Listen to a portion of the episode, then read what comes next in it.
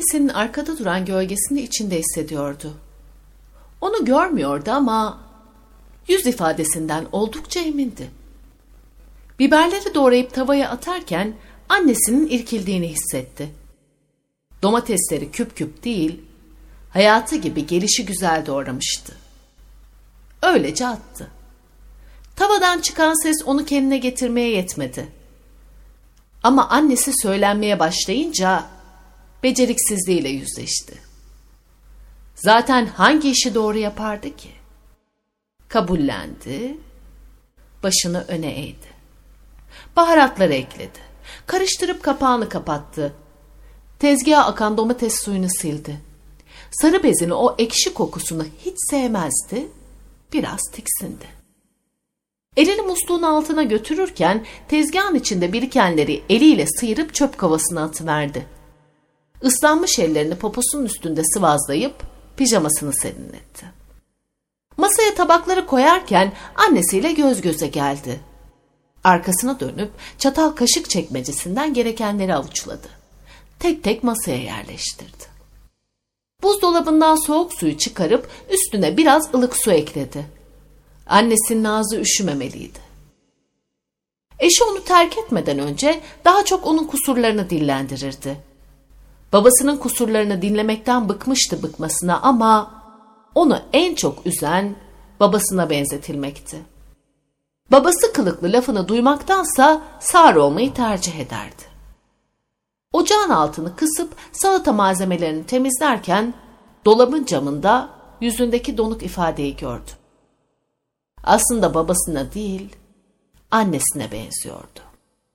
Yüzünde onun artığı mutsuz bir bakış, onun artığı derin kırışıklıklar vardı. Ağlamak istese ağlayamaz, gülmek istese yine başaramazdı. Marulları kuruladıktan sonra annesinin bezginliğiyle yavaş yavaş doğradı. Üstüne limon sıktı. Canının da bu limon gibi sıkkın olduğunu düşünüp dertlendi.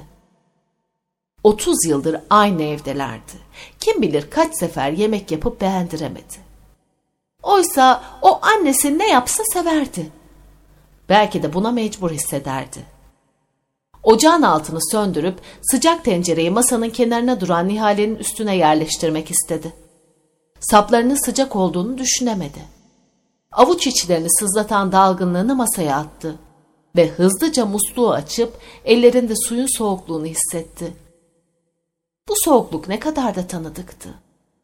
Annesi önce yüreğini kor gibi yakar, sonra da buz gibi bakışlarıyla acısını daha da derinleştirirdi.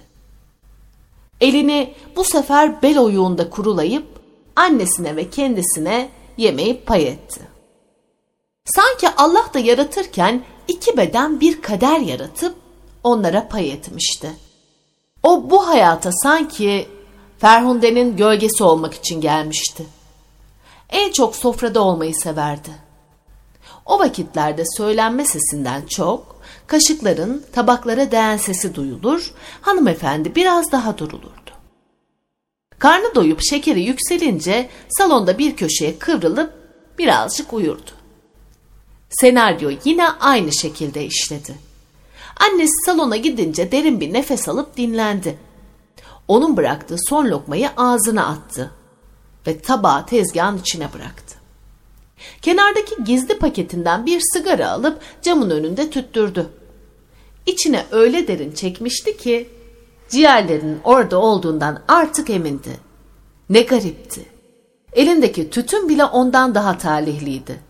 Yanıyordu yanmasına ama varlığını belli edebiliyordu. Oysa o yansa bile yok gibiydi. Sigarasını söndürüp masaya yöneldi. Masadaki her şeyi tezgahın üstüne aldı. Tek tek sudan geçirdi. Bulaşık makinesinin kapağını açıp yerleştirdi. Burada işi bitince salona geçti. Kumandayı alıp annesinin ayak ucuna yerleşti. Ferhunde Hanım henüz uyanmamıştı. Ama onun en sevdiği dizi başlamak üzereydi.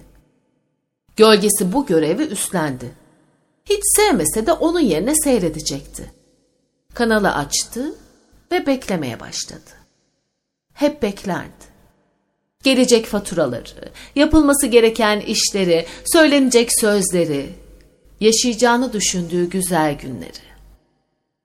Hepsini ama, hepsini sadece beklerdi. Aslında beklemesi hiçbir zaman fayda etmedi. Bunu iyi bilirdi.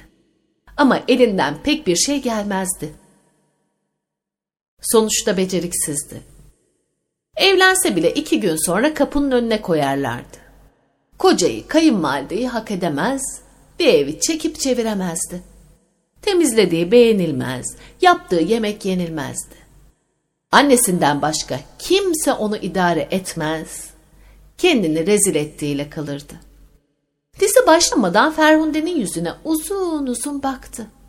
Orada bir sevgi artığı aradı. Battaniyenin kalan kenarını dizine kapatıp arkasına yaslandı. Televizyona bakıp dert yandı. Ah! Bu dünyada annesi mutlu insanlar da vardı. Belki bir gün o da onlar gibi yaşardı.